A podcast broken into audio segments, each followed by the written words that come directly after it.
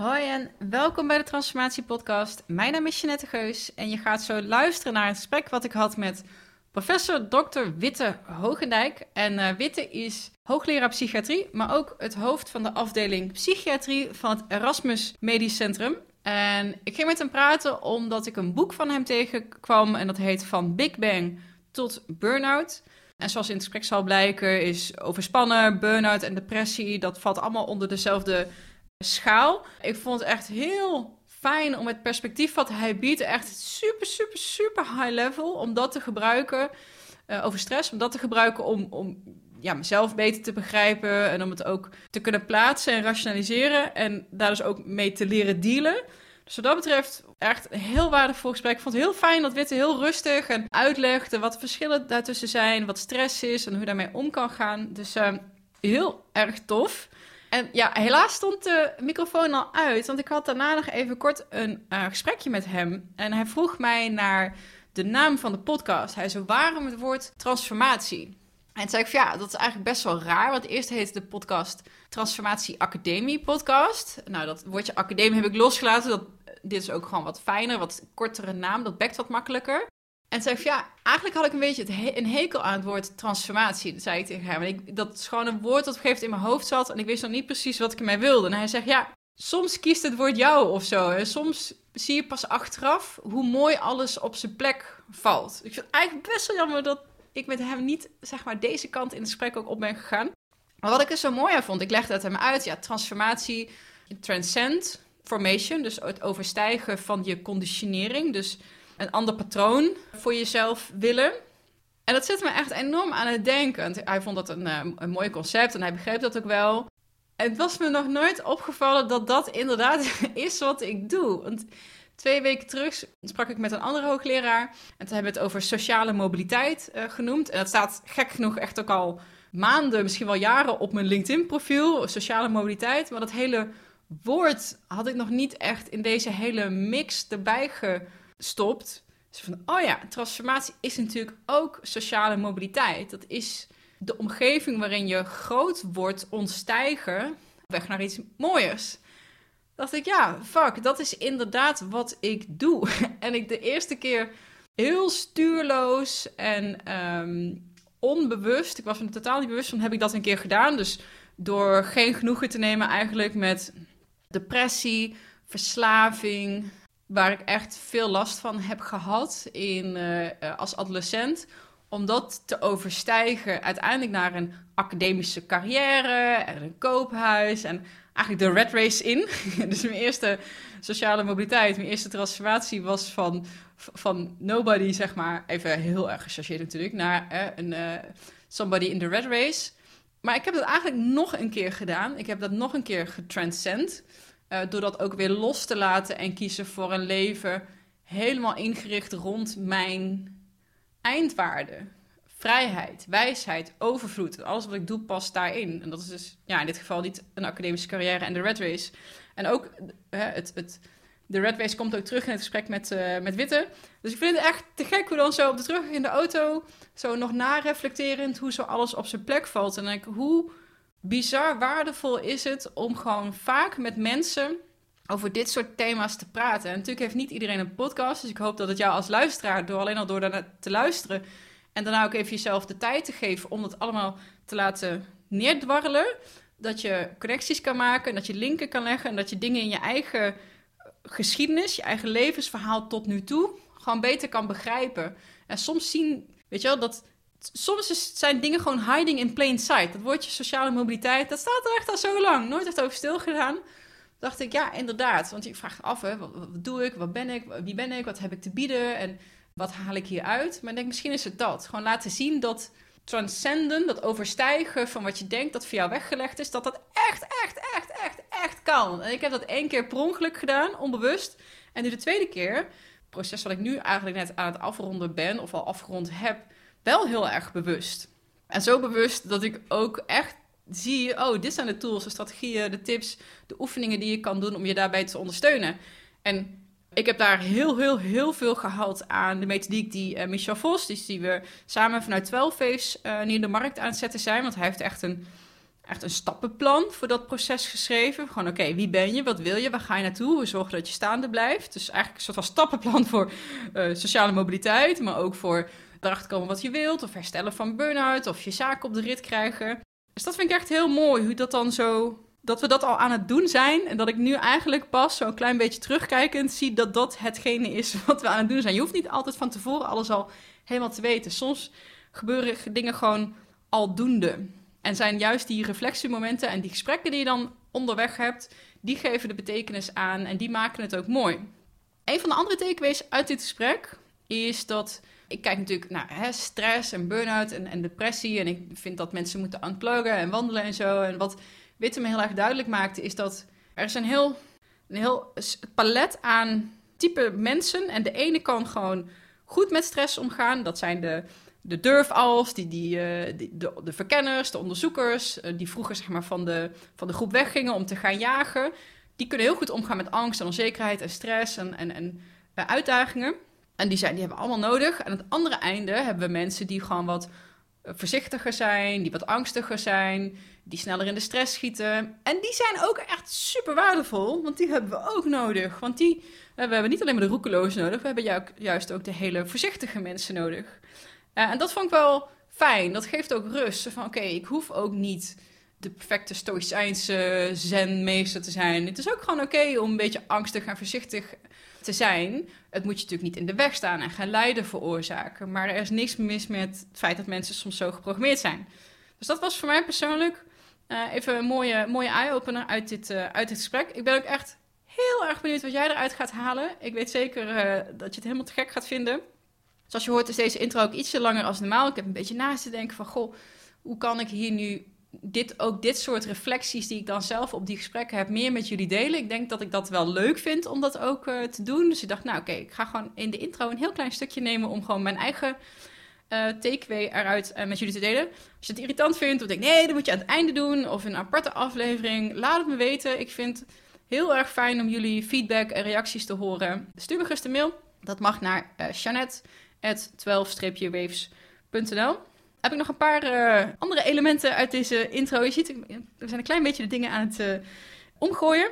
Een van de dingen die ik heb bedacht, wat mij heel tof lijkt, is om de podcast vertaan te eindigen met een nummer. uh, muziek. Gewoon een liedje. Iets, ik heb wat van die standaard nummers die ik opzet, die mij gewoon echt een lekker gevoel geven. Of die goed aansluiten bij de thematiek. Dus dan als je dan klaar bent met de podcast, in plaats van dat je dan de oortjes uitdoet of naar het volgende gaat, nog even, gewoon even een momentje, een paar minuutjes met gewoon even een fijn muziekje. Dat leek me wel leuk om daar eens mee te gaan experimenteren. Dus dat ga ik deze aflevering voor de eerste keer doen.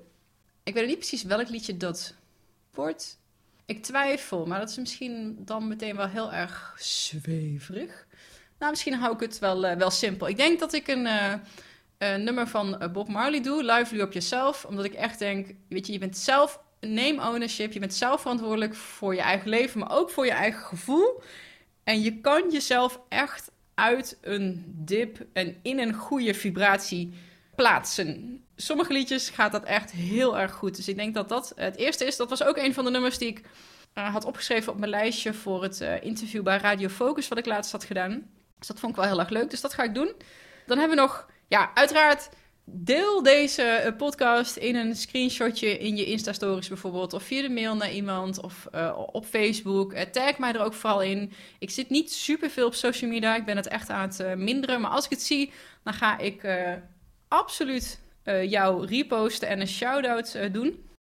En elke week roep ik je ook op voor goh, laat een 5 sterren rating voor me achter of een review. En ik schaam me bijna om te zeggen, ondanks dat ik dat elke keer inspreek in de intro, ik eigenlijk al anderhalf jaar dus niet meer naar die reviews heb gekeken. En dat heb ik nu dus één keer gedaan.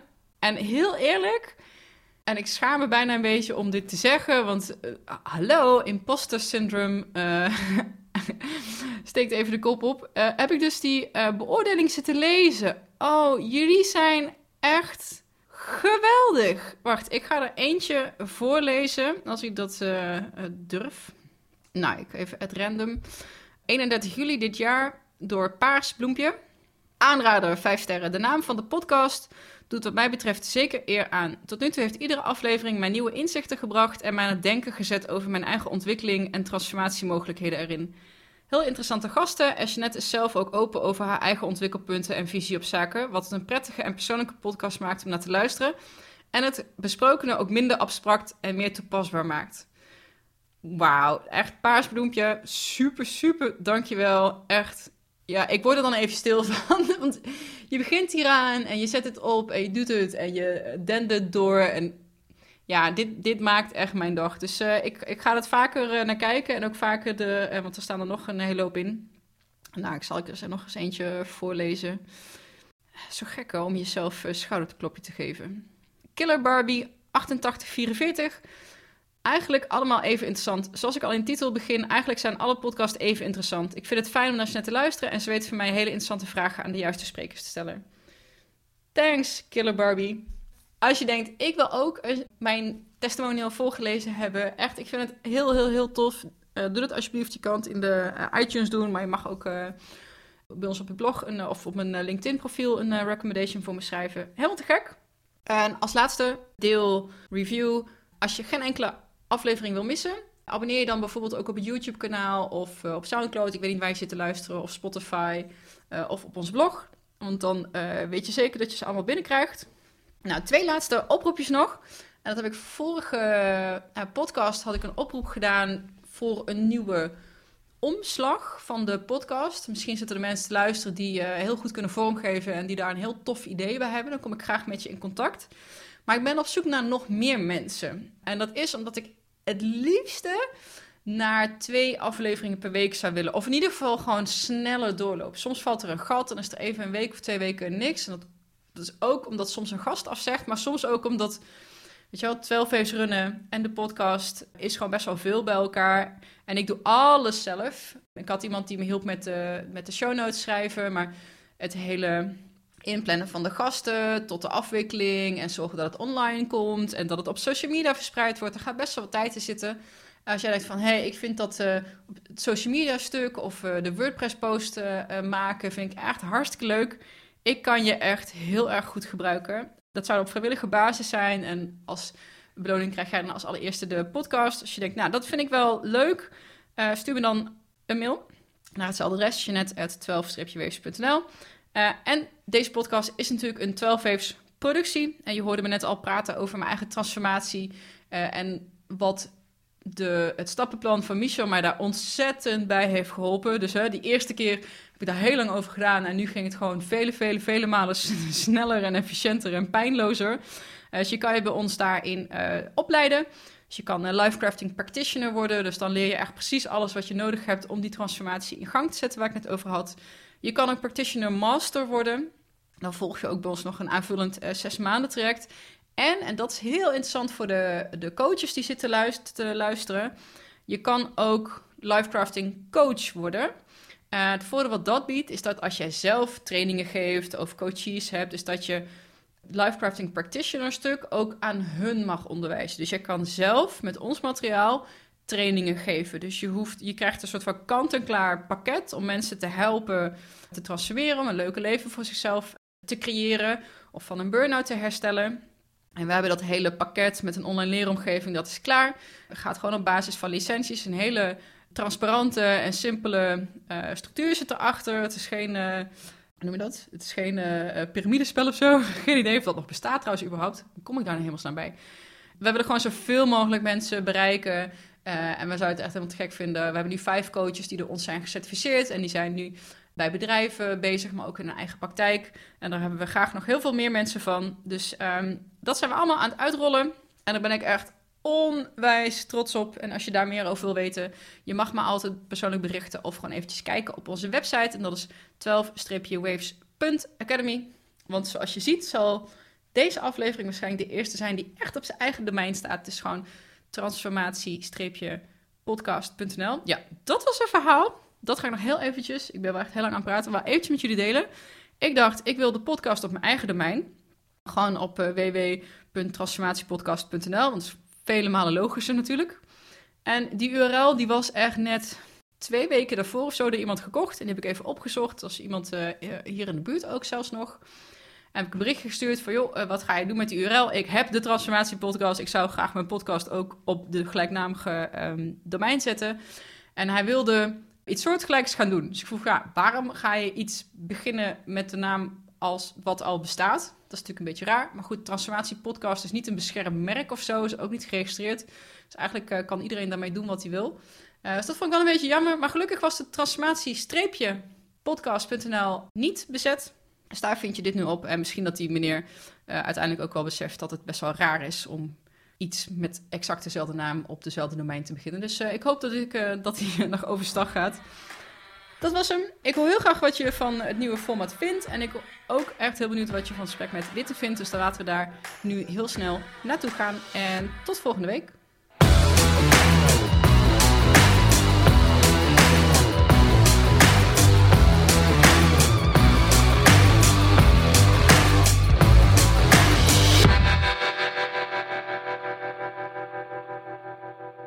Tijd van wilde maken. Ja, Want het zijn, uh, het zijn hele belangrijke thema's. Toen het boek uitkwam, maar ja, nog vele malen meer volgens mij. Um, dus laten we even bij het begin beginnen. Ja, heel goed. Um, nou goed, ik zit hier in het Erasmus MC ja. met professor Witte Hogendijk. Um, ik kwam op jouw spoor door een boek wat ik, uh, ik zou zien daar staan, van Big Bang tot Burnout. En Ja. toen dacht ik, die meneer moet ik spreken. Uh, fascinerend boek. Um, ik vind, hè, dus om stress te bekijken vanuit dat, de big history. Ik zie hem hier ook op de, op de muur. Geniaal. Ik denk dat dat voor heel veel mensen heel erg uh, zinvol is. Um, maar kunt u misschien in vogelvlucht ons even, of nu zeg ik weer u, uh, in vogelvlucht ons meenemen wat dat inhoudt en wat de relatie stress, evolutionaire, het evolutionaire perspectief, stress, depressie, Ja. Dus uh, wat ik samen met uh, Wilma de Rek uh, van de Volkskrant heb gedaan is te kijken, ehm, is er sprake van een evolutionaire mismatch tussen datgene wat er op ons afkomt als moderne mens en datgene waarvoor we gebouwd zijn. En um, daartoe zijn we teruggegaan in de tijd en hebben echt gekeken waar voor het eerst gaan die twee uit elkaar lopen. Dus waar voor het eerst uh, wordt er iets van ons gevraagd als soort waar we niet op gebouwd zijn. En uh, nou, dat is eigenlijk uh, wat we gedaan hebben. En wanneer, wanneer was dat? Nou, we, we, denken dat dat is in de agrarische revolutie. Dat daar het spoor, dat het daar ontspoorde, zeg maar. Ja, want daarvoor waren we natuurlijk al mens, maar toen waren we nog jager-verzamelaar, net als de apen voor ons en, en alle knaagdieren en überhaupt de vissen, iedereen. Dus alle soorten voor ons waren jager-verzamelaar. Althans, de, de belangrijkste soorten. En, uh, maar wij dus ook. Dus, dus wij deden eigenlijk waarvoor we gemaakt waren: uh, jagen en verzamelen. Ja. En onze fysiologie, onze stressrespons was daar helemaal op afgestemd. En vanaf de agrarische revolutie is wat onze configuratie, zo noem ik het dan altijd maar, niet meer geschikt voor datgene wat van ons gevraagd wordt. Wat bedoel je met configuratie? Ja, dus uh, je noemt uh, de, de stressrespons, gewoon de, on, onze, onze impulsen, uh, ons gedrag, mm -hmm. vanuit de biologie gezien. Ja. Onze, ja, onze bedrading, ja, ja, om het ja. zo maar even te noemen, loopt dus niet meer synchroon met wat er daadwerkelijk nodig is. Precies. Ja. En wat, wat, um, wat heeft dat voor gevolgen? Uh, nou, het gevolg is dat je een situatie krijgt uh, waarin, um, bijvoorbeeld bij, die, bij de agrarische revolutie, krijg je de situatie dat je gaat samenwonen met meer mensen dan waar je hersenen op gebouwd zijn. Dus je ziet uh, bij alle primaten, alle aapachtigen, dat hoe groter de bepaalde verhouding van de hersenschors tot het hersenvolume aan de ene kant is, hoe groter aan de andere kant de groep waarin hij leeft. En dat is ook wel voorstelbaar, met grotere hersenen, even kort door de bocht, ja. kan je beter onthouden van, uh, nou, die is te vertrouwen, van hem heb ik nog wat te goed, met hem kan ik goed jagen. En uh, voor de mens kom je dan uit op ongeveer 150 mensen in Dunbar's een groep. Hè? Dunbar's limit toch? 100, Dunbar? Exact, ja, exact ja. ja. Er is wel kritiek op geweest op die studie, maar het, het algemene idee van Dunbar klopte. Uh, als je kijkt naar kleinere apen, uh, zoals uh, chimpansees, dan zie je ook dat ze in kleinere groepen leven. Dus dat klopt wel. En het klopt ook met sociologisch onderzoek naar de mens, wat dat bevestigt. En je weet het uit je omgeving ook als je op iemands bruiloft komt, hè, waarin hij ieder, echt iedereen heeft uitgenodigd, tot en met de melkboer op de hoek. Dan zit je ook op zo'n 150 man, zeg maar. Nou, althans in onze cultuur. Als je nou beseft dat je wanneer je gaat settelen, uh, die groep uh, eigenlijk ongebreideld kan groeien. Hè, je dorp kan ook 200 mensen worden, of 1000, of 10.000, of 10 miljoen zoals het nu is. Veel wereldsteden zijn groter dan 10 miljoen mensen. Dan kan je je voorstellen dat je allerlei regels moet opstellen om die samenleving nog uh, ordentelijk te laten verlopen.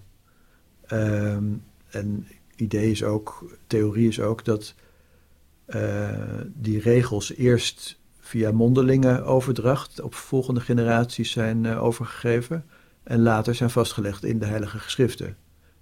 Met als belangrijk doel om die regels uh, vast te leggen. Ja.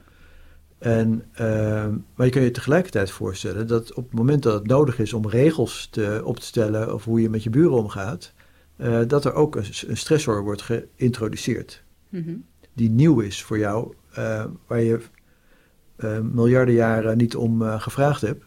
Als soorten in de evolutie. Maar opeens heb jij daarmee te maken. Omdat jij in een dorp woont wat groter is dan 150. Ja. Nou, dat is één. Twee is dat op het moment dat je stopt met uh, jager-verzamelaar zijn. En je gaat je vestigen op één plek. Is het voor het eerst nuttig om bezit op te bouwen. En voor het eerst mogelijk om dat te doen. Want als je daarvoor leefde als jager-verzamelaar en je had bijvoorbeeld een beest gedood, uh, dan deelde je het met de anderen. Want het had geen zin om het voor jezelf te houden, want je krijgt het niet op en het verrot en je kan het niet meenemen als je weer verder trekt. Terwijl als je je settelt, dan kan je uh, een opslagplaats maken en dan kan je het uh, verhandelen. En, en daar krijg je dus voor het eerst bezit en daarmee ook ongelijkheid. Zoals ongelijkheid tussen mannen en vrouwen. En Um, dat is een andere stressor, uh, waar ongelijkheid. Ja. Dus zo zie je dat, dat aantal voorbeelden van je vraagt van wat, wat ja, gebeurt ja, er dan? Nou, dit, dit, dit, soort dingen gebeuren dan. En, en dat perspectief van uh, big history, dus uh, soms wordt onze evolutie, de geschiedenispad geslagen tot één dag. of in, in, dit boek was het ehm, volgens mij de hele moderne eeuwen. volgens mij, het begint in ik ben even het jaartal uh, kwijt. Maar uh, we zitten nu zeg maar in het, dus de laatste seconde van één dag. En um, waarom is dat perspectief, dus dat extreme, extreme, extreme uitzoomen om te kijken naar, hé, maar waar komt uh, dat vandaan waar we tegenaan lopen? Waarom is dat zo cruciaal? Ja, nou, omdat je, onze hersenen zijn niet gebouwd op het begrijpen van al te abstracte begrippen. Uh, dus wij begrijpen uh, concrete dingen. En een beetje complexe of een beetje abstracte dingen ook nog wel. Maar als het te abstract wordt, dan kunnen we onze hersens niet omheen krijgen, als het ware. Ja. Dan, dan, snappen we het niet. Uh, bijvoorbeeld een, een logaritmisch verband. Ja, je kan het berekenen en je kan het snappen, maar je kan het niet echt doorvoelen, zeg maar. Ja. Nou, datzelfde geldt voor grote getallen. Ja. je weet dan net wat je voor een miljoen kan doen. Hè? Een mooie auto en een mooi huis en klaar. Maar wat kan je voor een miljard kopen? Daar heb je eigenlijk al geen idee van. Nee. Nou, uh, dus daarom, omdat evolutie in miljarden jaren gaat, hebben we daar een trucje voor bedacht. Hebben we gezegd, nou stel dat één seconde in het huidige leven gelijk staat aan uh, duizend jaar evolutie. Dan ben je in één tel terug in de middeleeuwen, twee tellen het jaar nul. En dan op die manier ben je na een dag tellen, um, ben je dan 100 miljoen jaar terug. Zelfs dat is al mind-boggling, zeg maar, als Ja. je er te lang over nadenkt. Ja, ja. dat is ook zo. Maar, maar het helpt je wel als je vasthoudt aan die ene dag. Want een dag kunnen we heel goed eh, doorvoelen hoe lang dat is. Bijvoorbeeld door de oefening te doen, eh, wat deed jij ehm, gisteren op deze tijd? Weet je het nog? Probeer eens te bedenken. Drie uur. Eh, dan moet ik eens even nadenken, welke dag is het vandaag? Daar begint het al. Dat is, Daar mij begint het al, dat bedoel ik. Het besef Ja. van tijd is moeilijk. Ja, ja, ja. Maar weet je het? Gisteren werkte ik thuis rond deze tijd. Dus Ja? zat ik waarschijnlijk eh, achter mijn computer eh, iets met onze marketing, ons marketingplan bij te werken of zo. Ja, Zoiets. Ja. ja. Ja. Nou, dan moet je vervolgens bedenken wat je daarna ging doen die middag. Eh, een wandeling gemaakt? Ja. Wandeling gemaakt. En of je daarna ging borrelen, eten. Nee, daarna was het eh, avondeten en lekker eh relaxte avond eh, met mijn vriend. Ja, Oh, ja, ja. hou je niet van Ajax dan? Nee! Het was echt geen relaxte avond Oh, gisteren. oké. Nou, ik, woon, ik woon echt heel erg afgelegen, ook heel erg in het groen, heel rustig. Ja, Ik kijk ook geen televisie, geen kranten, dus ik heb een vrij eh, minimalistisch bestaan wat dat betreft. Goed. maar nou, daar komen we misschien nog wel op te spreken over dat type bestaan, dat dat goed is. Maar, eh, dus dan is het pas avond. En dan ga je nog slapen, en dan ga je lekker ontbijten. En dan ga je, vanmorgen heb je allemaal dingen gedaan. Toen ben je hier naartoe gereisd, heb je nog geluncht eerst, hier naartoe gereisd. En nu zit je weer hier. Ja. Dat is best een, een, eh, een, lange periode, zo'n 24 uur. Maar je kan hem goed doorvoelen. Je kan hem goed overzien. Dus als je, als je dat vasthoudt, dan snap je ook meer hoe de verhoudingen in de tijd zijn in de evolutie. En dat is heel belangrijk voor, voor het punt wat we willen maken. Want op deze manier, als je deze manier van tellen aanhoudt, dan zou, eh, stel dat wij op 9 mei eh, nu leven, dan zou het heelal op 1 januari zijn ontstaan. Eh, de aarde zo ergens in maart, ik weet het niet uit mijn hoofd meer. Eh, begin van het leven eh, zo vijf weken geleden, Mhm. de eencellige. Overigens is het einde van het leven op aarde over zes weken alweer, want dan houdt de zon op met schijnen. Dus wij zitten ongeveer in het midden. Dat las ik in het boek en dat heb ik opgeschreven. Oh. En toen dacht ik, oeh, dat is eh, iets om eens een keer een meditatie aan te wijden. Ja. Het feit dat wij op, op de helft, Ja. grofweg, van Ja. 4,5, ja daar ga je al, miljard of biljard? Ik weet het niet eens. Miljard. Miljard. 4,5 miljard jaar, dat we, eh, en, en, dat we het nu nog, eh, Nog over miljard. 4,5, 5 miljard vergaat de hele boel. Nou, dan is er geen leven, dan is het heel koud. Te koud om te leven. saaibende wordt het dan, Ja. eh, volgens mij. Ja, en toen dacht ik nou, wow, dat is ook echt fascinerend om daar eens over te filosoferen. Wat dat überhaupt voor ons betekent als mens. Dat wij op de helft of over de helft zijn. Maar over Ja. zes weken stopt de zon met zijn. Schij- Met, Ja. Oh, hoe weten we dat? Eh, dat is eh, zo'n brandstof, helium, en waterstof. En Ja. eh, als ik het uit mijn hoofd goed zeg, is nu voor een bepaalde hoeveelheid op. Dat kan je zien aan, aan metingen. En je weet hoeveel die verbruikt per, per dag, zeg maar. Dus dan kan je uitrekenen hoe, hoeveel dagen hij er nog heeft. Oké, wauw. Demotiverend. nee, of juist niet, juist niet. Ja, wa- waarom, waarom is het demotiverend? Nee, het is voor Want- mij persoonlijk absoluut niet demotiverend. Ehm, maar ik kan me voorstellen dat het dat soort gedachten wel in de hand werkt. eh, bij mensen van, oh jee, we zijn op de retour. En dat dat weer een heel eh, kettingreactie aan Nou, gedachten kan veroorzaken. Ja, ik, ik denk dat het hierbij nog wel meevalt, want het nadeel wat je had bij dat een miljard te abstract is om te snappen, is hier je voordeel. Ja. Je, je kan niet 5 miljard jaar te leven, dat is, dat is best prima. Ja, nee, eh, zeker. Maar het feit dat de zon over zes weken, dat de brandstof op is, dat, dat besef ook. Dat geeft aan dat het, het lijkt zo oneindig. Hè? Het heelal, oh, dat dijt oneindig Ja. uit. En de tijd ook. Maar Ja. nu in één keer draait hij om. Oh nee, maar dat is misschien helemaal niet zo. Ja, nou ja, mensen zijn altijd op zoek naar zekerheden in het leven en dit is er eentje van. Ja, ja, ja. Ja dat, we hebben er een aantal. Dat we als, als mens doodgaan, maar dus ook als, als aarde, als planeet, als soort. Tenzij we dus de ruimte Als, ingaan. ja, en als, we als gaan leven, niet, niet als planeet. Als, le als leven zelfs. Ja. Ja.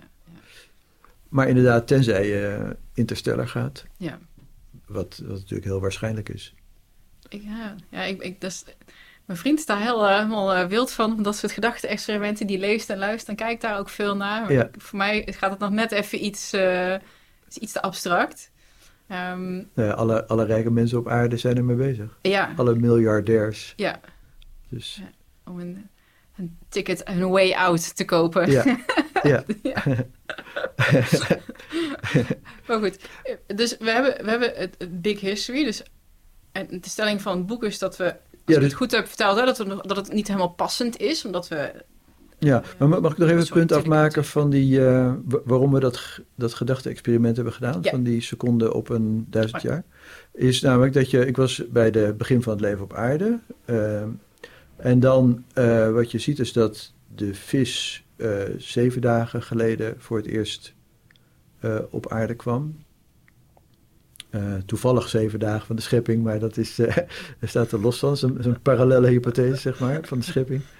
Ehm, maar dat dus eh, de, de reptielen dan vijf, als ik uit mijn hoofd goed zeg, de zoogdieren vier. Ehm, even kijken. Dan de aapachtige twee en wij dan op die 9e mei. Dus aapachtige één dag geleden ehm, en dan zoogdieren drie dagen geleden enzovoort. En dan zie je dus dat elke, eh, elke soort die moet wennen aan een compleet nieuwe omgeving, eh, zoals een vis die op land moet gaan leven, die heeft aan één dag blijkbaar zo ongeveer genoeg om zich aan te passen, evolutionair, aan een compleet nieuwe omgeving. Hm. En, en dat zie je bij, bij al die soorten. Maar bij de mens zouden wij in dit voorbeeld op 9 mei die hele 9 mei ter beschikking hebben. Op de manier zoals jij net terugredeneerde van wat je gedaan hebt gisteren om drie uur. Om ons evolutionair aan te passen. Oftewel, eh, zouden we 100 miljoen jaar de tijd hebben gehad om ons aan te passen aan de grote veranderingen sinds de agrarische revolutie. Maar dat is niet waar. Want die agrarische revolutie die was 10.000 jaar geleden. En je hebt blijkbaar als soort zo ongeveer 100 miljoen jaar nodig om evolutionaire veranderingen te ondergaan. We missen nog een paar nullen. Precies. Dus als je goed gaat kijken, dan is de tijd die we echt gehad hebben om ons aan te passen sinds de periode dat het echt veel sneller ging allemaal, sinds de industriële revolutie, een paar honderd jaar geleden, is in deze telling eh 0,2 seconden. Dat is een split second, waar je 24 uur nodig hebt. En dan van die 0,2 nog een veel kleiner fragment in deze connected mobiele wereld. Nou, heb je helemaal gelijk. Dus Ja. als je dat doorredeneert, dan zie je dat alle omwentelingen sindsdien elke keer tien keer zo snel elkaar opvolgen als de vorige. Hm. Dus als je kijkt van eh agrarische revolutie is dan 10.000 jaar geleden. Eh, de grote ontwikkeling daarna is collective learning. Dat je zoveel abstracties in je taal inbouwt dat je het kan overdragen op een nieuwe generatie, waardoor je als soort voor het eerst slimmer wordt. Ja. Duizenden jaren. Eh industriële revolutie honderden jaren. Digitale revolutie tientallen jaren. En nou artificiële intelligentie, eh, zelflerende machines jaren. Dus daar gaat steeds een nul vanaf. Dus de, de, de, het tempo neemt steeds keer tien toe. Dus dat is precies wat je bedoelt. Want Ja. het gaat steeds maar sneller. En wij ons maar afvragen waarom het soms zo stroef en moeizaam eh, gaat. Ehm, want dan komen we op het stuk ook stress, depressie, overspannen burn-out. Ehm, wij lopen dus tegen de lamp. Er gaat, eh, het wrijft. Hoe, waarom is dat eigenlijk? Waar, nou, misschien niet waarom, want dan snap ik wel dat de, de, de mismatch. Maar eh, waarin uitzicht dat voor de meeste mensen? Hoe uitzicht dat voor de meeste mensen? Ja, dus eh, eigenlijk moet je zeggen voor de minste mensen. Want eh, het gros van ons kan hier nog steeds goed tegen. Want we zijn weliswaar evolutionair niet aangepast. Want we zijn nog steeds het beest wat we waren. Daarom heet dat tweede boekje Leven is een beest. eh, qua stressrespons. Ja. Maar er is nog een tweede mechaniek waardoor we kunnen veranderen en ons kunnen aanpassen aan onze omgeving. En dat is wat je noemt neuroplasticiteit. Dus de veranderlijkheid van de hersenen. Dus als je iets onthoudt, bijvoorbeeld als ik dit tegen je zeg en je weet het vanavond nog, dan is er iets veranderd in je hersenen. Er zijn er, zijn er hersencellen die meer connecties met elkaar gemaakt hebben. Dat is ook aantoonbaar. Ja. Daar heeft Kandel de Nobelprijs voor gekregen. En als je het vergeet, dan, dan, dan gaan die connecties weer, zijn blijkbaar weer verloren gegaan. Ja. Dus eh, daarom zeg je dat de hersenen veranderlijk zijn, plastisch zijn. Ja. Nou, dat geldt dus niet alleen voor het onthouden van feitjes, maar ook voor het aanpassen aan nieuwe omstandigheden. Dus dat zou best aan de hand kunnen zijn dat de nieuwe generatie die opgegroeid is met social media en de hele dag tikken op het mobieltje, net iets anders brein heeft dan, dan wij bijvoorbeeld. Ah, ik, mijn achtergrond is ook eh, psychologische wetenschapper. Ja, Ehm, ik nog steeds heel erg jammer dat ik mijn eigen afstudeeronderzoek niet over eh, toen nog ehm, MySpace. Toen was er nog geen MSN en dan helemaal nog geen uh, social media. Wilde ik heel graag afstudeeronderzoek doen, kijken naar identiteit en hoe dat dan samenhangt en wat het allemaal voor ons zou betekenen. Achteraf denk ik, oh, had ik dat maar gedaan? Want nu vind ik het nog echt zo... Ik denk, ik ben zo benieuwd wat de wetenschap over vijf jaar of over tien jaar vindt van de kinderen inderdaad ik heb wel wat uh, geluiden gehoord uh, over uh, jonge meisjes die veel op Instagram zitten, dat die vaker automutileren, om even een gek spoor te noemen. Zo van, wat voor invloed heeft dat op, ons, op onze mentale gezondheid? Mijn intuïtie zegt, volgens mij is dat best wel zwaar. Um, ja, dus dan komen we eigenlijk terug op je vraag. Hè, ja. van wat betekent dit voor de, voor de minste voor mensen? De mensen Want het gros ja, van de mensen vaart hier prima bij door die neuroplasticiteit. En um, dus hoe meer informatie, hoe beter. Hoe sneller het allemaal gaat, hoe beter. Maar er is een deel van ons wat, wat daar minder goed tegen kan. Het stressgevoelige deel. Dus mensen die wat angstiger zijn aangelegd of wat controlebehoeftiger zijn. Of uh, de dingen wat minder makkelijk kunnen volgen. Uh, doordat ze heel jong zijn of juist heel oud. Doordat ze een culturele achterstand hebben. Uh, en, of een IQ, een lager IQ of een psychiatrische stoornis. Er zijn een hele groep mensen die uh, daar goed, wat minder goed tegen kan. Ja. En die is wat minder weerbaar eigenlijk. Ja, wat kwetsbaarder wat, wat minder voor deze hoge, complexe, snelle ja. maatschappij. Ja. En dat is natuurlijk altijd zo geweest. Er is altijd een bepaalde verdeling in de populatie geweest... waarbij het gros van de mensen in het midden zit... Uh, daar aan de linkerkant een aantal mensen waren die heel stressbestendig zijn de durfals. En dat zijn dan de jagers en de verkenners en heel nuttig. En dan andere uiterste had je dan de hele voorzichtige mensen, de dwangmatiger mensen, uh, angstiger mensen. Maar die waren ook heel belangrijk voor de populatie als geheel, omdat ze controleerden of er geen giftige bestjes bij het eten zitten, et cetera. Ja, ja, en of iedereen wel zich aan de regels houdt en ja. iedereen uh, fair play uh, doet. Precies, ja. ja, ja. ja. Um, hoe, hoe kunnen we dan stress eigenlijk het beste definiëren? Want ik begreep uit, uh, uit het boek, het is nuttig, het is zinvol en heeft ons helemaal gebracht tot waar we nu zijn. Zeker. Dus ik zie het boek ook als een soort uh, verwachtingsmanagement. Dat is er. Ja. Uh, dan, dat, daar kunnen we ook gewoon mee omgaan. Ja. Maar, wat, maar toch wordt stress nu heel negatief weggezet. Hè? Te veel cortisol, allemaal negatieve effecten in het lijf. Burn-out als gevolg daarvan. Maar wat is stress dan eigenlijk? Nou, stress is allereerst een containerbegrip. Hè, dus er wordt van alles onder verstaan. Uh, en daarom is het inderdaad goed om het te definiëren en het uit elkaar te rafelen. Eigenlijk bestaat het uit drie componenten. Uh, stress is, is het gevoel wat je hebt in je hoofd. Uh, wanneer de omgeving iets van je vraagt of eist, dat is de stressor. Mm -hmm. waar je alleen maar aan kan voldoen door in actie te komen. En dat is de stressrespons. Dus stress is het gevoel wat je hebt in je hoofd als de omgeving iets eist, de stressor, waar je alleen maar aan kan voldoen uh, door in actie te komen, en dat is de stressrespons. Dus in die drie begrippen, stress, stressor en stressrespons, die moet je goed uit elkaar houden. Um, um, is, want uh, misschien zeg ik dat dan fout, is de, uh, de gedachten die wij zelf creëren, kunnen die ook als uh, stressor optreden. Ja, dus het, een ingebeelde bedreiging eigenlijk. Ja, dus dan, uh, dat is precies ook het probleem van de mens dus als je die mismatch niet hebt, dan heb je wel stressoren. Elk beest heeft stressoren. Denk maar aan ziekte, de dood, honger. Uh, maar zijn fysiologie is daarop afgestemd, want zijn stressrespons past daarbij. Ja. Dus als hij honger heeft, dan gaat hij, gaat hij magerder worden, uh, gaat hij eten zoeken, et cetera. En als hij ziek is, dan gaat hij zich gedijst houden en gaat hij weinig energie besteden. als er dood is, wat in de hele evolutie natuurlijk overvloedig geweest is, dan gaat hij een bepaalde uh, onthechtingsfases in, wat wij ook nog kennen als rouw. Mhm. Dat zijn allemaal normale stressresponsen die passend zijn bij de stressor. Ja. Maar de mens, die heeft geen, vaak tegenwoordig geen uh, concrete stressoren meer. Die heeft abstracte stressoren, zoals uh, een dreigende reorganisatie die via de e-mail tot je komt en jaren boven je hoofd kan hangen. Of uh, de zeespiegel gaat stijgen tegen het jaar 2050. Mm. Ik bedoel, hoe kan je daar een gezonde stressrespons op leveren? Ja. Je kan er niet van vluchten, je kan er niet tegen vechten. Um, dus wat moet je daarmee?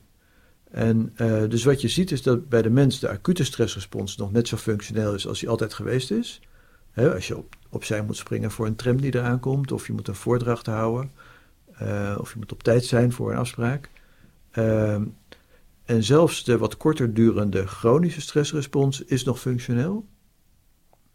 Uh, maar als het te lang duurt, doordat het te abstract is en je eigenlijk niks meer kan, dan is het niet meer functioneel. En dan kan je er zelfs bijwerkingen van hebben, zoals een verhoogde hartslag die je in je keel voelt of uh, een gespannen gevoel in je hoofd. En dan zijn die, is die stressrespons eigenlijk niet meer dan een bijwerking van een systeem wat verouderd is. Zoals je verstandskies of je blinde darm. Restjes uit de evolutie die je eigenlijk niet meer nodig hebt, maar daar waar je ook geen last van hebt totdat ze gaan ontsteken. Ja. En zo, zo kun je het chronisch stressresponssysteem in zekere zin ook zien. Ja, oh, interessant. En wat, um, wat betekent dat voor mensen die daar last van hebben, die, die zich chronisch gejaagd en gestrest en, en daar dus ook de lange termijn, op lange termijn negatieve gevolgen van ervaren? Hmm. Nou, je, die, die acute stress, die, die kan dus overgaan als je er niks aan doet. Uh, en als de stressor maar chronisch genoeg is en abstract genoeg overgaan in, in chronische stress. Uh, en die chronische stress die kan overgaan in overspanning. En die overspanning kan overgaan in burn-out. En die burn-out kan overgaan in depressie, lichte depressie. En soms zie je dat er ook een ernstige depressie uit voortkomt. Is dat ook de, want dat was een van de vragen die ik ook had, van de, de het boek heet Van Big Bang tot Burnout. Ja. Maar het, eigenlijk als, ik het, als je het leest is het meer van Big Bang tot depressie, omdat Burnout daar dan uh, ja. een stapje voor uh, ja. zit. Is, is dat ook de relatie tussen die drie, dat je door die fase heen gaat? Ja, dat kan. Okay. Je kan ook depressief worden op een heel andere manier. Maar je kan ook uh, op deze manier tot een depressie komen. Wat, en wat is precies het verschil tussen burn-out en depressie dan? Nou, als je een groep burn-out patiënten goed onderzoekt, psychiatrisch, dan blijkt eigenlijk dat 50% al een lichte depressie te hebben. Dus er is een overlap tussen die twee. Ja. Uh, maar er zijn ook grote verschillen. Je kan bijvoorbeeld depressief worden zonder ooit uh, stressgevoel te hebben. Bijvoorbeeld als je een naaste verliest en daarna ook je baan verliest. Ja. He, dan heb je dus niet, ben je dus niet overbelast geweest, maar je hebt gewoon een dubbele verlieservaring. Uh, ja, waardoor je e-, even helemaal terug gefloten wordt hè, naar... Ja, ja wat, wat er gebeurt weten we niet. nee, oké, oké. Okay. maar uh, zo zou je het kunnen noemen. Ja. Hè, dus, uh, dus je kan via een hele andere route uh, depressief worden. en daarnaast heb je daarbij ook symptomen die anders zijn dan bij burn-out. zeker als het een ernstige depressie betreft. Mm. Want dan kan je ehm, afvallen. Hè, dus dat je zo weinig honger hebt dat je gewichtsverlies hebt, bijvoorbeeld. En zo zijn er nog een aantal kenmerken die anders zijn bij ernstige depressie dan bij burn-out. Ja, het lijkt me lastig om ze uit elkaar te rafelen, ook omdat ze samen voorkomen en ook deels dezelfde symptomen hebben. Ik, ik, ik heb het geluk dat ik ze beide heb uh, gehad. Ja. um, ik, leuk in je boek las ik, hè, dat hele van, oh nee, het, zit aan, het, zit, het ligt aan mijn genen, dus uh, dat uh, kan ik daar um, door verklaren. Dat mocht ik niet meer doen. Um, mijn vader voelt al zijn hele leven depressief. En als ik naar die familielijnen kijk, denk ik, nou ja, ik snap misschien wel dat diegene, dat die switch bij mij uh, makkelijk aangaat, om het dan zo maar even te zeggen. Mm -hmm. um, ik heb ook een burn-out gehad. En inderdaad, die twee die, die voelen wel, zo, ik ervaarde ze ook anders. Mm -hmm. um, en soms vraag ik me af, moet het burn-out heten? Kunnen we niet een soort van overload noemen? Want dat lijkt wel alsof dat voor mijn gevoel alsof dat gaande is. Het is gewoon een soort van overload. Van, ja, alsof je je computer even vastloopt. Zo van, help, ja. ik heb geen ja. geheugen, geen schijfruimte meer. Stop ja. er maar mee. Ja. ja. Maar burn-out klinkt zo alsof we op zijn. Maar zo voelt het dan niet. Het voelt dan eerder alsof we een soort van uh, over de kook zijn gegaan of zo. Hè? De overload uh, hebben ervaren of zo. Ja. Maar misschien denk je, zeg jij, nee, dat, dat klopt echt helemaal niet. Ik ben heel benieuwd naar jouw perspectief daarop. Ja, nou, ik, ik denk dat je voegt naar het onderscheid tussen burn-out en depressie. Maar het onderscheid tussen overspanning en burn-out is uh, minstens zo belangrijk. Oké, okay, wat is dat? Waar zit, waar zit dat een, uh, in? Nou, het zijn eigenlijk, het wordt door elkaar gebruikt. Hè? Ik ben overspanning, ik ben burn-out, toch? Maar het zijn eigenlijk twee totaal verschillende beelden. Oké. Okay. Dus bij overspanning heb je een... Uh, een lijst van symptomen, van acht symptomen, uh, waar je er drie van moet hebben uh, om te voldoen aan dat eerste criterium. En die symptomen die uh, vallen in twee groepen uit elkaar eigenlijk. Eén is het gevolg van slecht slapen. Hè, dus dan ben je moe en je kan je minder goed concentreren. Dat is, dat is logisch. Ja. Dat zijn drie symptomen. Slecht slapen, moe en minder concentreren. Blijven er vijf over. En die vijf symptomen die kenmerken zich eigenlijk door een soort onrust. Labiliteit, agitatie. Dus dat heb je dat mensen niet tegen herrie kunnen. Dat mensen een kort lontje hebben, gauw geprikkeld, aangebrand. Dat mensen in huilen kunnen uitbarsten, de emotionele labiliteit. Dat mensen veel piekeren. Ehm, en eh, dus dat, dat, dat is een, een, een set van die, die gekenmerkt wordt door ja, onrust, labiliteit. En dat Agitatie. is de, de overspannen. Dat is overspanning. Ja. Criterium A. Dan heb je nog criterium B waar je aan moet voldoen. En dat is dat je een gevoel van controleverlies hebt. En een onvermogen om met nieuwe stressoren goed om te gaan.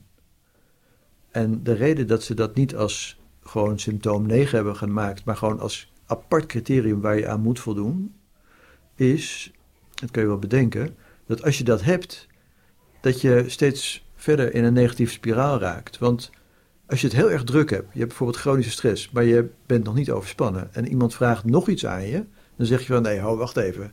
Dit kan ik er echt niet bij hebben. Ja, ja. Terwijl als je al in die overspanning zit, ben je daar niet meer toe in staat. En voor je het weet ligt ook dat op je bord. Hmm. Snap je? Dus dan heb je te weinig energie om nog dingen af te houden. En dan raak je dus nog verder belast. Ehm, dus dat is criterium B. En dan heb je nog criterium C. En die zegt dat ehm, deze klachten een significante impact op je leven moeten hebben. Mhm. Dus moet echt, eh, je moet echt minder goed van door functioneren. En D, het moet niet beter te begrijpen zijn als depressie. Want depressie is een ernstiger beeld Ja. en je kan geen overspanning diagnosticeren als je ook een depressie hebt. Dus er moet geen oh, depressie zo. zijn. Ja, ja, ja. Ik snap, je? ik snap hem. Er moet Ja, geen ja, ja. depressie zijn. Nou, oké, dus maar die eerste twee criteria zijn het belangrijkste. Ja. Ik- Als je nou, ja, Nee, ik, ik moet meteen denken aan... Ik, ik sta heel veel voor young professionals. ja, En die lopen allemaal met het vraagstuk... Die ervaren overwhelm. Ja. Deel ook leeftijdsfase. Deel ook, denk ik, nu de maatschappij. Dat wat je beschreef van... Hè, je zit eigenlijk al vol. Het is heel erg druk. En voor je het weet komt er nog meer op hun bordje. En zij geven heel veel... Van die groep geeft aan... dat ze dat ook soort van doen uit een... eh, ambitieuze eh, eh, motivatie van... Goh, ja, nee, dat zal wel horen als ik een carrière wil gaan maken... in mijn eerste vijf jaar werken. Ja, tuurlijk wil ik dat, tuurlijk wil ik dat. En dat is zich dus allemaal in een soort van... naar een overspannen toestand zouden kunnen werken. ja dus, dus dus niet zo gezegd, maar nee, dus ja. wat jij beschrijft is de fase daarvoor, dat is die Ja. van chronische stress. ja, kom maar, kom maar. Ja, ja, ja. En, Ja. En, en dat is dus voor veel mensen geen probleem. Die vinden het zelfs leuk. Eh, maar voor, voor een kleiner clubje is dat eh, risico dat je dan naar de volgende fase gaat. En dat is dan de overspanning. Ja, dus, volgens mij niet eens een heel klein groepje. Ik weet de statistici, maar ik denk dat heel echt dat overwhelm, dat hoor ik bijna alleen. Ik geef veel trainingen bij bedrijven en dat is Mhm. nummer één eh, klacht. Ja, ja dat, dat is Ja. dan de stress. Ja, ja, dus overweldigd door stressoren. ja, Ja, ja. nieuwe indrukken, fear of missing out ook. Het hoge tempo van alles. ehm, mondialisering. eh, de social media, waardoor alles in het hier en nu altijd maar op je afkomt. Ook in het weekend, ook van je werk. Dus dat, dat, dat speelt daarin mee. Maar dat is nog geen overspanning. Nee, oké, oké. Nee. Nou, goed voor om te weten. Ja, ja want, het- want het moet een significante impact op hun functioneren hebben. Ze Ja. zitten nog wel bij jou op die, eh, op die, op die Training. cursus, training, ja. En niet bij jou als huisarts. Nee, Nee. Snap je? Dus, niet, ja. du- du- dus je, dat, dat is wel een verschil. Je, je moet niet iedereen overspannen noemen. Nee, oh, zeker niet, zeker niet. Ja, maar het is goed om te weten dat, dat, eh, dat het heel goed is dat ze nu bijvoorbeeld trainingen volgen of Ja. boeken gaan lezen. Omdat ze ook wel door hebben van, goh, weet je dit moet ik niet op lange termijn eh, doen. Dat is niet goed voor me. Absoluut. En nou, wat, eh, wat is depressie? Weet, weet de, de psychiatrie of de wetenschap dat, wat het precies is? Ja, er zit nog één stapje tussen. Hè? Dat is die burn-out. Ja, Dus misschien goed om die eerst Ja. even eh, onder de loep te nemen. Want die is dus echt anders dan die overspanning. Burn-out is criterium A. Je moet overspannen zijn.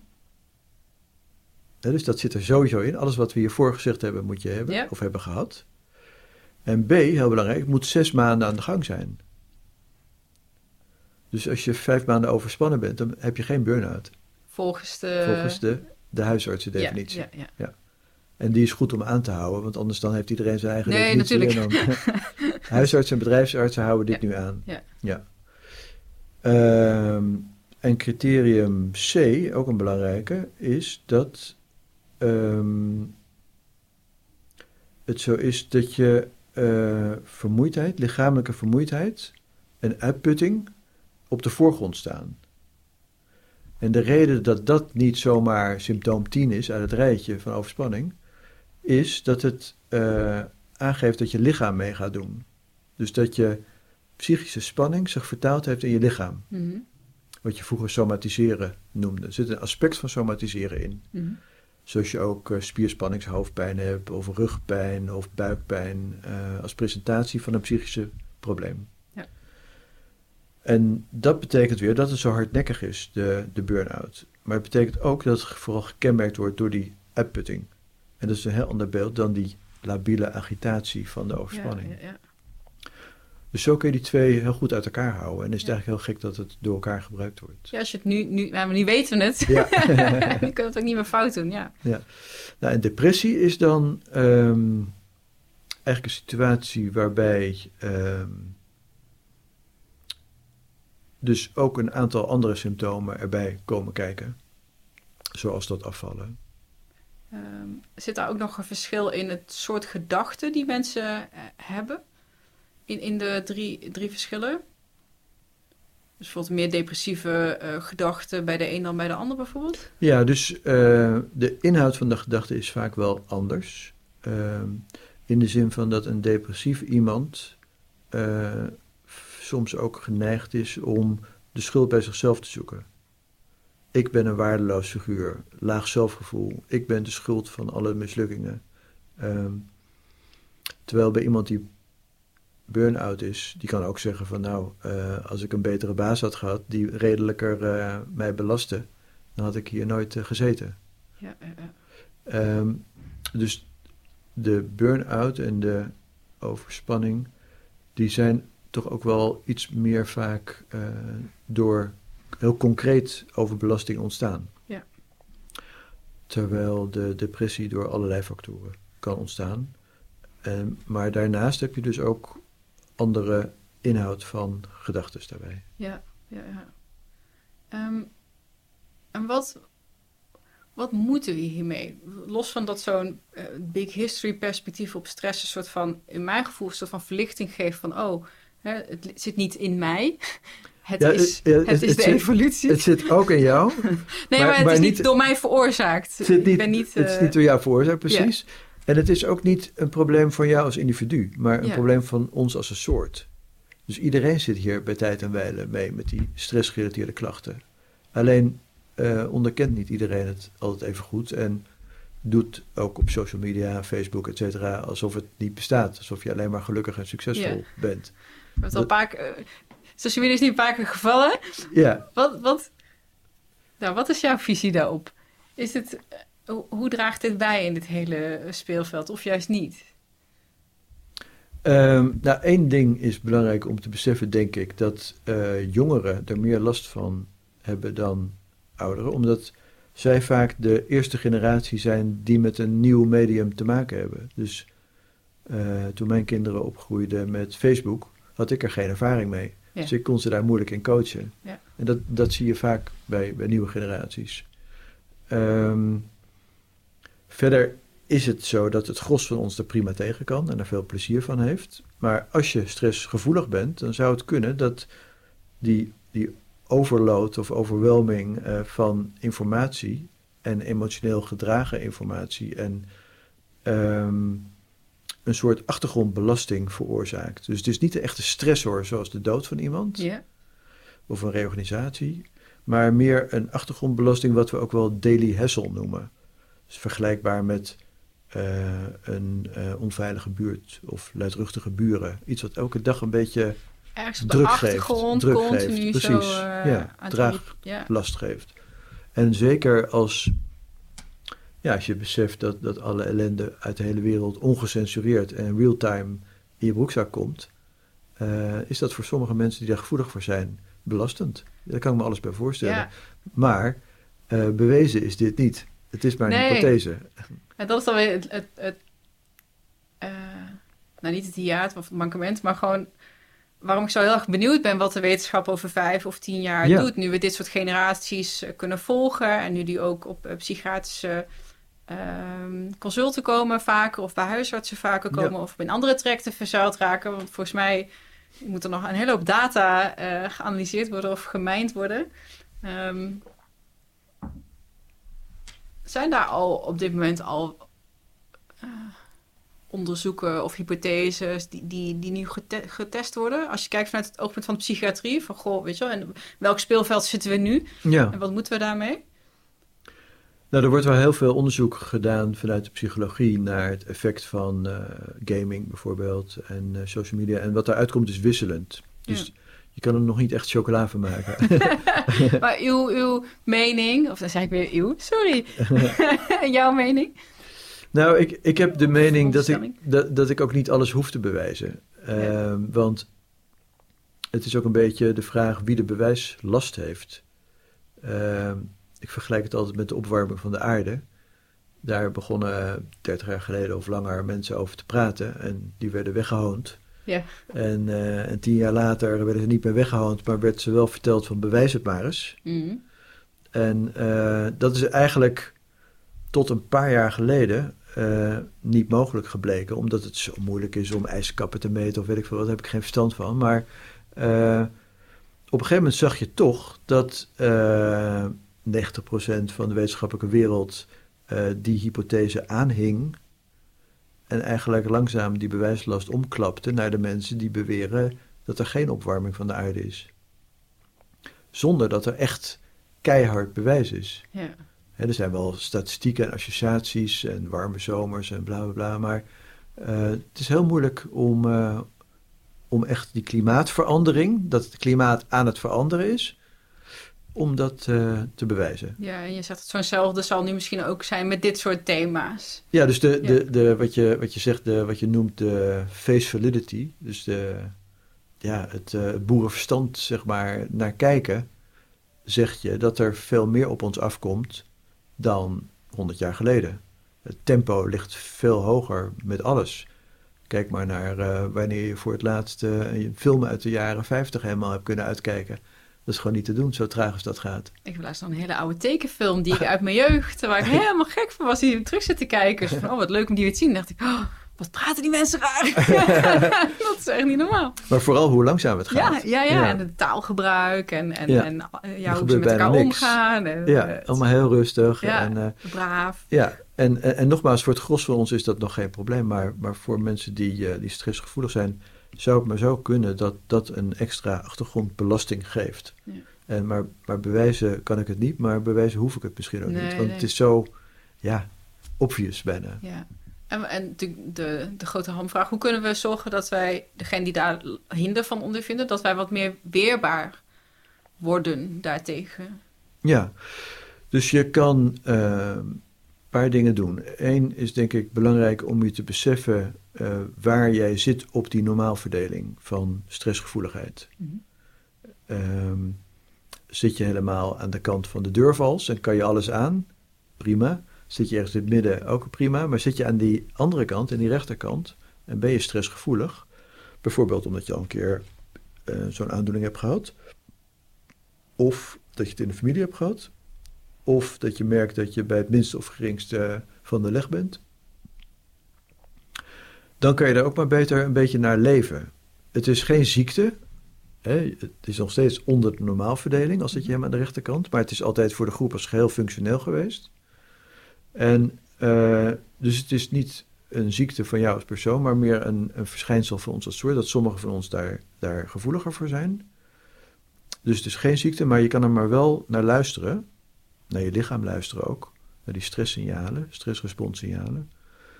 En dat doe je denk ik op een paar manieren.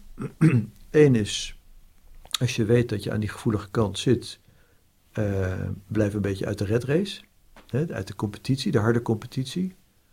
Eh, je kan heel goed je ambities kwijt zonder met anderen in de strijd te gaan de hele tijd. Eh, twee is, als je die mismatch dus heel erg voelt van datgene wat er in de moderne tijd op je afkomt en datgene waar we als soort op gebouwd zijn, leef dan maar een beetje naar de soort die we eigenlijk nog zijn, namelijk toch een soort beest. Mhm. Leven als een beest. Dus dat wil zeggen dat je, en nu komen er een paar open deuren, maar die ik toch maar even noem, eh, ga wat vaker naar buiten. Hè, want het is in die laatste split second dat we binnen zijn gaan zitten. Ja. Heel onnatuurlijk. Beweeg wat meer, want dat zijn we ook mee gestopt opeens. Eh, eet wat minder. Daar zijn we ook opeens heel veel meer gaan doen. Allemaal dik geworden, terwijl beesten helemaal nooit dik zijn. Als in de vrije natuur Behalve leven. als eh, ze aan onze lijn eh, door het park eh, lopen. Precies, in gevangenschap. Maar Ja. in de vrije natuur zijn ze nooit te dik. nee. Ze kijken al luid, dan worden ze gepakt. Ja. Ehm, ga wat meer om met de mensen waar je echt contact mee hebt. Een van die 100, 150 die je aan kan. Hè, waar je echt iets aan beleeft. Mensen die echt iets aan jou hebben. In plaats van die duizend vage Facebook vrienden. Mhm. Ehm, slaap als een beest. Hè, dus een beest zorgt altijd dat hij voldoende slaap heeft, terwijl wij rustig eh, een slaaptekort opbouwen. Ja. eh, wat heel onverstandig is, omdat je het risico voor stressgerelateerde stoornissen toeneemt. Ehm, en relax als een beest. En eh, als je hard werken is prima. Die mensen die jou, bij jou op cursus zitten, moet je vooral stimuleren. Lekker doorbeulen. Maar daarna moet je een periode van rust hebben. Ja. En als je naar het dierenrijk kijkt, meeste dieren zijn niet langer dan vier uur per etmaal actief. 20 uur eh, liggen ze lekker te luieren. Terwijl wij van 's morgens vroeg tot 's avonds laat aan het rondrennen zijn. Dat ligt een beetje aan het type soort dat we zijn, maar eh, het is toch belangrijk om te beseffen dat het, als je echt wil leven als een beest, die je echt bent, die je al honderden miljoenen jaren bent eigenlijk van binnen, dat je daar een beetje naar luistert. En als dat niet helpt, dat zijn open deuren, maar eh, tegelijkertijd denken we dat door de manier waarop we het uitleggen, dat mensen het beter begrijpen en daardoor ook beter kunnen volhouden. Ja. Want het is niet zo moeilijk om een advies op te volgen, ga vaker naar buiten. Maar het is moeilijk om het volgende week nog steeds te doen. Laat staan een jaar later. Hetzelfde geldt voor eten en bewegen. Ja, Dus- want dan komt iets van gedragsverandering. Precies. En dat is... eh, ja, en dan moet je echt van diep van binnen Ja. begrijpen waarom het is. En daarom is dat evolutionaire perspectief zo leuk. Dan, dan snap je echt waarom het is. Dus dit, dit zijn eh, een aantal, aantal adviezen. En daarnaast heb je nog eh, een heel protocol vanuit de huisartsen. eh, wat je kan volgen om met een activerend beleid in verschillende fases iemand weer uit zijn overspanning of burn-out te helpen. En als dat niet helpt, dan is er nog psychotherapie en et cetera. Ja, ja, dat is natuurlijk een hele legio aan coaches die zich daar ook in specialiseren om mensen eh, daaruit te helpen. Ja. Ehm, Coaching is een goede tussenweg tussen psychotherapie en de huisarts. Ja. Ja. Ehm, ik, eh, ik weet niet of het concept wel eens heeft gehoord. Forest bathing. Ik weet even het Japanse woord eh, eh, niet meer. Dat doe ik voortaan elke dag, al best een, eh, een paar maanden nu. Dus ik kijk naar mijn eigen mentale gezondheid en mijn eigen zwakheden. Want je noemde net een paar dingen, denk ik, goh, eigenlijk is zo'n wandeling door het bos, tik ik al, eh, bijna alles tik ik al aan. Ik neem mijn telefoon niet mee. Ja. Eh, Dus ik ben ook even, want dat hoor ik niet, maar dat is misschien voor, voor- dat unpluggen even. Ja. Dus de, niet bereikbaar zijn Ja. en niet doelgericht iets aan het doen zijn, maar ja, ontspannen als een beest. Ja. Denk, ah, dan heb je toch eh, iets van vier vliegen in één klap. Ik ben buiten, ik ben in het bos, want dat is ook dan weer, weer Ja. helend, eh, wordt gedacht. ja. Ik wandel, ik mediteer. Eh, In ieder geval, ik gun die tijd voor mezelf om mijn hoofd even gewoon leeg te maken of op mijn ademhaling te, te letten. Ik denk, waarom, hoe lang duurt het nog voordat dit misschien ook wel, want ik heb psychologie gestudeerd, ik heb er nog iets over gehoord, dat dit meer gemeen goed wordt. Ook dit soort adviezen en dit soort lifestyle of deze inzichten als het gaat over hè, stress en de informatieoverload en de, de vele uitdagingen die we hebben en de gevaren die daarbij horen. Dus wel kijken, van, oké, het is niet helemaal in sync. Ehm, ja, duurt het dan echt zo lang voordat de wetenschap daar dat, dit, dat, dat ze dat ingehaald hebben en dat dat dan vervolgens ook weer in de collegezalen terug wordt gegeven Ja. aan de nieuwe lichting? Nou, dat dat is eigenlijk precies mijn punt van waarom ik het niet altijd nodig vind om iets wetenschappelijk te bewijzen voordat je het naar buiten mag brengen. Want eh, eigenlijk is dat geen eerlijke race. Eh, omdat eh, de krachten die daar tegenover staan eh, veel sneller handelen. Denk aan de suikerindustrie en de fastfoodindustrie die ons allerlei ongezond eten en veel calorieën opdringen. Denk aan de social media bedrijven uit Silicon Valley en China die in gevecht zijn om onze aandacht, om advertenties te slijten en daardoor verslavende elementen inbrengen in de games en de apps door de rode bolletjes, weet je wel, waardoor je per se wil openen, wat zit erin, misschien is het wel een beloning. Uh, dus dat maakt dat er industrieën en veel grotere krachten zijn die ons de verkeerde kant op van het padje af proberen te duwen. Uh, dan dat wij met onze goede bedoelingen vanuit de wetenschap misschien wel tien jaar bezig zijn voordat we een klein uh, snippertje bewezen hebben. Ja. En dan nog eens inderdaad naar de collegebanken krijgen.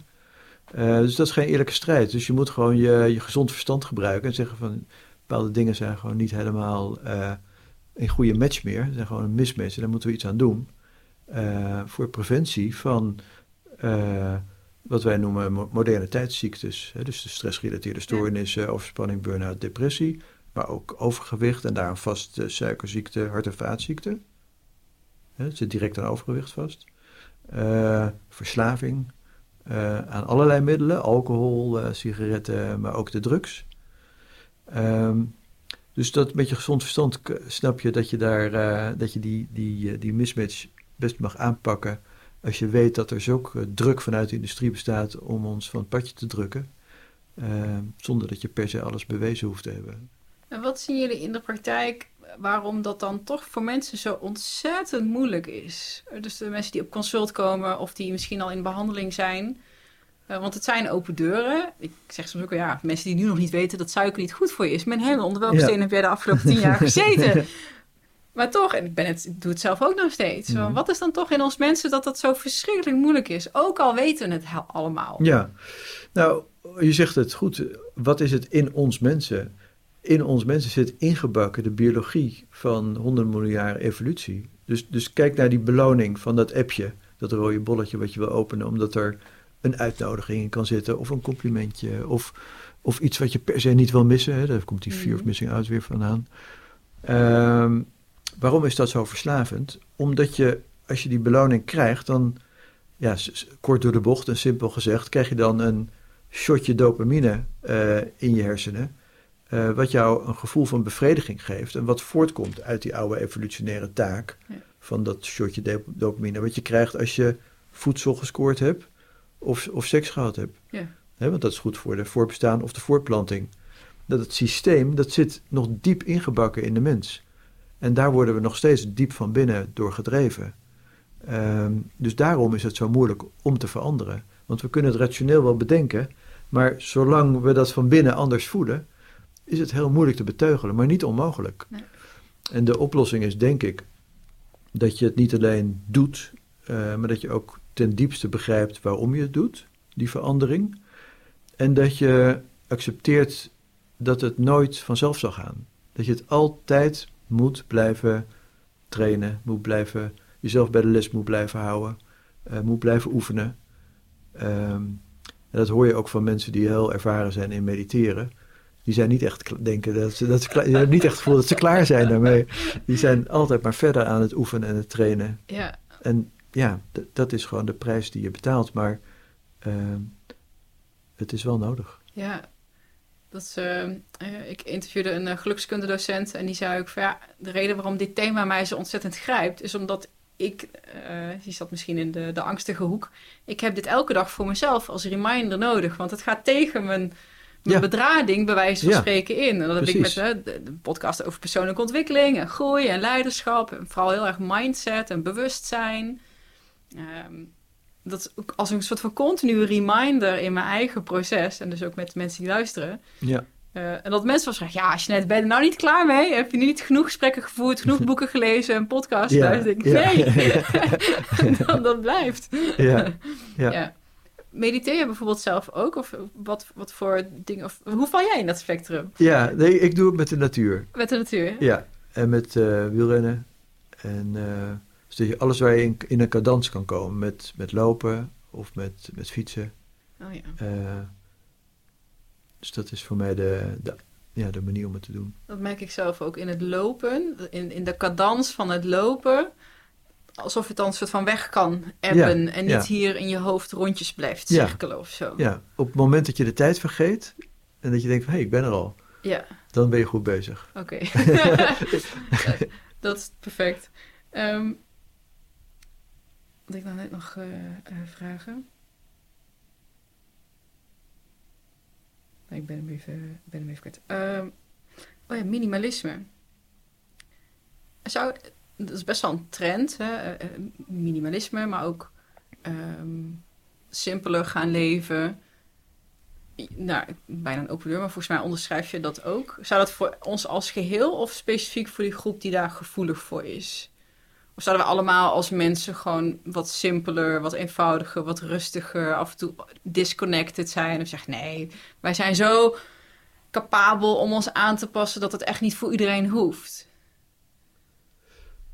Dus je zegt eigenlijk twee dingen. Van, ehm, dat het niet voor iedereen hoeft. Nee, dat, dat, dat is natuurlijk zo. We zijn verschillend in onze stressgevoeligheid. Dus we moeten ook verschillende dingen daarin doen. Maar je zegt tegelijkertijd, vraag je ook van... zullen wij als soort, moeten wij als soort niet wat minimalistischer zijn? En, Ja, we jagen nu natuurlijk eh, complexer, complexer, complexer, eh, groter, mooier, beter. Ja. Wat volgens mij ook geweldig is, want het brengt allemaal hele fantastische Ja. innovaties. Ja, dan denk, moet ik weer denken aan het feit dat we het, het hoekje over zijn. Ja. op het grotere schaal. Ja. Van, oh, moeten we dan ook niet een beetje downscalen in Ja. onze ambities? Maar Nou, ja, de- de- wie ben de- ik dan als... Ja, nou, precies. De vraag die daar aan vooraf gaat is: heb je die keuze als soort? Ik denk het niet. Ik Nee, denk als dat mens we- natuurlijk. Als ja, als mens, als mens denderen we voort. Omdat we gewoon nieuwsgierig van natuur zijn. We willen altijd weten wat er om het hoekje zit. Omdat je dan weer een dopamine shotje krijgt. Je hebt een gevoel van tevredenheid, een gevoel van zingeving in het leven. En mensen willen altijd exploreren en uitzoeken hoe dingen zitten. En dat, dat, ja, dat uit zich in innovatie en wetenschap. Mag ik nog iets vragen over de gedachtes en het, het omgaan met gedachtes als je in een, ehm, nou, die, depressief durf ik dan bij niet zeggen, maar als je je down voelt en je merkt dat je negatieve gedachtes eh, hebt. Wat, wat, ehm, ik, zelf, ik zelf heb echt wel geleerd om eh, uit te zoomen, even te wachten en te beseffen van, hé, hey, ik- mijn hoofd bedenkt nu dit. Maar ik kan ook prima een heel ander scenario bedenken. En ze kunnen twee waar zijn, want ik weet het niet. Het zijn allemaal maar scenario's. Dus ik kies ervoor om in dat andere te geloven. Maar goed, Mhm. dat is mijn ezelsbruggetje, omdat ik in de angstige, depressieve hoek eh, viel. Ehm, maar zijn er misschien nog andere manieren om als je een soort van opgeslokt wordt in zo'n negatieve bui, Mhm. met angstgedachten of piekeren of je zorgen maken, wat je kan doen om jezelf daar uit te trekken? Ja, er, er zijn in de, in de psychotherapie natuurlijk verschillende technieken, met name in de cognitieve gedragstherapie, eh, die heel praktisch zijn. Denk aan de gedachtenstop. Die ken ik niet. Dus de, de, de oefening van de gedachtenstop gaat als volgt. Eh, je neemt een angstige piekergedachte eh, die je vaak hebt, die moet je even naar voren halen. Ja. Oké, ja. Dan, eh, dan ga je vervolgens drie Voel minuten... hem, gadverdamme. Ja. dan, ga, dan ga je vervolgens die, die, die gedachte gedurende een bepaalde tijd, ik, ik zeg nu maar even een halve minuut, maar je kan het ook voor drie minuten doen, eh, heel erg duidelijk doorpiekeren. Dus niet zomaar een beetje piekeren, maar echt volop piekeren. Oké. En dan ga je hem echt hebben. Doen, oh, die gedachte die ging al zo, en dan zo, en dan zo, en dan zo. En dan ga je dat doen. En dan de volgende stap, is als je dat een paar, paar eh, minuten gedaan hebt, is de volgende stap dat je eh, jezelf voorneemt, of dat je een alternatieve gedachte eh, klaarlegt, die leuk is. Bijvoorbeeld eh, een strand waar je deze zomer was, met dat barretje en die cocktail en die leuke vrienden. En zoals je daar lag. En dan pak je die piekergedachte weer op, die zet je weer in, maar je spreekt met jezelf af dat je op een gegeven moment tegen jezelf zegt stop. En dan pak je die leuke gedachte en die put je, stop je daarvoor in de plaats. En dan dwing je jezelf om aan dat strand te denken. Mhm. En als je dat vaak oefent, dan leer je dus om controle te krijgen over waarover je denkt. Want dat hebben wij natuurlijk als voordeel boven alle beesten voor ons in de evolutie. We hebben die enorme hersenschors waarmee we zelf kunnen bepalen waar we aan denken. We hebben ook een bewustzijn die zich uitstrekt buiten het hier en nu. Uh, beesten kunnen alleen in het hier en nu denken, maar wij kunnen denken aan zoals het was op die vakantie. Of die verheugen op iets in de toekomst. En dat is ons voordeel. Dus wij, en dat besef je niet zo, maar je kan denken waar je wil. Dat kan jij bepalen. Alleen vraagt het weer, net als meditatie, veel oefening. Ja. Mindfulness is eigenlijk iets wat hieraan gelinkt is. Maar dan heeft het iets andere invalshoek. Namelijk dat je bepaalde gedachten uh, op een andere manier gaat, vanuit een ander perspectief gaat bekijken. Dus een nare gedachte is niet iets wat jou helemaal uh, bevolkt en beheerst, maar kan ook iets zijn wat je voorbij ziet drijven. Ja, ja. En dus op die manier zijn er uh, vanuit de cognitieve gedragstherapie allerlei oefeningen. En ik ben daar zelf geen expert in, maar uh, die je kan toepassen en die je kan oefenen met een, met een psychotherapeut. Maar je kan ook, uh, wat ik net noemde, in die activerende benadering ehm, van de huisarts of de bedrijfsarts, of van een coachende benadering, leren om te gaan met het type stressoren wat op je afkomt. Hoe begrens je dat? Hoe kanaliseer je dat? Mhm. Eh, en je kan met een, zoals het verhaal van het onze, als het onze, kan je uh, de symptomen uit je lichaam eh, beter begrijpen en daardoor ze minder alarmerend vinden. Je kan dan denken van, god, die stressrespons van dat kloppende hart, dat had die vis een half miljard jaar geleden ook al. Dat is gewoon een oude, verouderde visrespons waar ik niks meer aan heb. want mijn problemen zijn veel te abstract daarvoor. Dus neem het met een korreltje zout. Ook vorm van loslaten. Precies. Ja, ja. Het, ja mooi. En als je echt iets hebt, dan moet je naar een uh, psychiater. Uh, op welk moment is het zo erg dat je inderdaad naar een psychiater moet? Wat zijn echt red flags voor mensen die misschien niet luisteren? Van oké, dan, dan is het echt tijd om professionele hulp in te schakelen. Nou, eigenlijk is het moeilijk te zeggen als je er zelf in zit. Eigenlijk moet je, is dat aan de huisarts. Die bepaalt uh, wat dat moment is. En dus als de klachten met name met psychotherapie niet voldoende uh, verholpen kunnen worden, uh, kan het aangewezen zijn dat iemand ook medicatie krijgt. En dan komt een psychiater al gauw om de hoek kijken. Wat, wat zijn. wat is het volgende grote project? Of wat is het volgende grote thema? wat bij jou op de plank ligt, wat je graag wil gaan onderzoeken? Nou, we doen nu al onderzoek in samenwerking met veel andere mensen naar um, de, hoe je stress bij studenten het beste kan um, benaderen. Oh, super interessant. Ja. Uh, dus daar is een andere afdeling hier in huis uh, de, de trekker van. Um, dus zo lopen er een heleboel projecten ja. eigenlijk. We kijken ook naar bijvoorbeeld stresshormoon cortisol bij, in het haar van zwangere moeders die dan uh, kinderen krijgen, in hoeverre die stress ook uh, in het haar van het kind te meten zijn en te meten is, op objectiveren is, in hoeverre dat doorgegeven wordt aan via het ongeboren kind. Oh, of die theorie, want die is natuurlijk al wat langer, hè, dat het overdraagbaar is, of dat ook echt feitelijk. Ja. In... Oh, dus daar is dan ja. een van de psychiaters hier in huis, uh, Mike van den Berg, mee bezig. En zo zijn er allerlei onderzoeken die ja. lopen. Maar wel nog steeds gewoon thema uh, stress. Misschien ja, altijd van, stress. Oh, ja, ja, ja. ja Waar komt die fascinatie vandaan? Nou, ik ben tijdens mijn studie geneeskunde al daar ingerold met mijn promotieonderzoek bij Dick Swaap. En, uh, en daar kwam eigenlijk naar voren dat, uh, dat stress een heel leuk sleutelconcept is om psychologie, biologie en sociale um, eisen uh, samen te brengen. Antropologie zelfs. Ja. Antropologie. Ja. Dus daar komt eigenlijk in het fenomeen stress komt alles samen. En dat. Uh... Siri wil zich ermee bemoeien. Ja. um, dus dat um, is leuk van, omdat ik zelf in de biologische psychiatrie uh, me aan het specialiseren was. Dus daar waar psychische klachten zich lichamelijk vertalen in de hersenen, uh, is dat stressconcept een soort scharnierconcept waardoor al die dingen samenkomen. En daardoor is het altijd uh, bij me gebleven. Eh, zelf ook in een situatie van als een burn-out. Want ja, goed, ik ben zelf ook een PhD-traject in geweest. Ik weet hoe uh, overweldigend dat kan zijn. Ja, nou, het is grappig dat je het PhD-traject noemt. Want ik had op het eind, toen ik voor de deadline voor de drukker zat, uh, had ik zo'n nacht doorgewerkt. En toen zag ik opeens uh, dingen wegschieten in mijn ooghoek. En uh, kreeg een soort muis, muiskramparm, omdat ik de hele tijd dingen zat te... Ja. En, en toen dacht ik van, oh ja, dat, zo voelt het dus als je te, als je te ver gaat.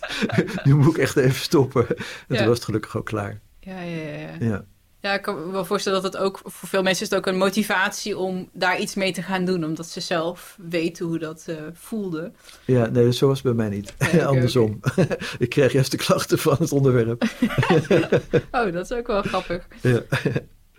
Uh, maar er komt niet een nieuw boek aan over een. Uh, oh, komt er een vervolg? Want we hebben natuurlijk dat Leven als een Beest. Die kende ik heel eerlijk. moet ik eerlijk bekennen dat ik die niet heb gelezen. Ik zal het je zo uh, meegeven. Oh, nou wat fijn. En misschien ook wel leuk om hem aan, um, om hem misschien wel aan een van de luisteraars ook te, ja. te verloten. Ja, prima. Um, uh, tof. Zijn er nog onderwerpen waar je denkt van, oh, nou, dat moeten we echt even bespreken? Het of tweede dat boekje is ook samen met uh, Wilma de Rek gemaakt. oh, ja. ja. Ja, ik vond het, lees, las echt ontzettend ja. prettig. En, ja, dat is echt helemaal haar verdienste. Ja. ja. um, er is nog een onderwerp waar je denkt, nou, dat, dat, dat, dat moeten we echt even bespreken. Of dat is nu echt zo belangrijk. Ik wil echt dat veel mensen daar, uh, ze dat nog meegeven. Um, nou, volgens mij hebben we wel heel veel besproken. Ja. Oké, dan wil ik je bedanken voor je tijd. Ja, jij bedankt voor het komen. En heel veel succes met het onderzoek. Dankjewel. Dat was hem. Dankjewel voor je tijd en voor je aandacht. Uh, ik hoop dat het je vele inzichten heeft gegeven. En zoals ik in de introductie zei wil ik afsluiten met Lively op jezelf, een uh, live versie van Bob Marley, een uh, CD die ik ooit uh, helemaal heb grijs gedraaid en waar ik nog steeds heel erg vrolijk van word. Dus ik hoop dat dat ook even een klein beetje vrolijkheid aan jouw dag gaat geven. Tot volgende week. Ja, dat is natuurlijk super leuk bedacht, Jeanette. Alleen uh, vindt de Buma Stemmeren dat ook wel oké. En ga je dan niet heel erg boetes krijgen? Ja, terecht merkt een aantal luisteraars uh, dat op. Het is super fijn dat mensen dat ook eventjes laten weten. Want ik heb daar echt totaal niet bij stilgestaan. Dus helaas, uh, we eindigen niet met wat lekkere muziek. Maar gewoon met ik die zegt... Ik hoop dat ik je volgende week weer zie.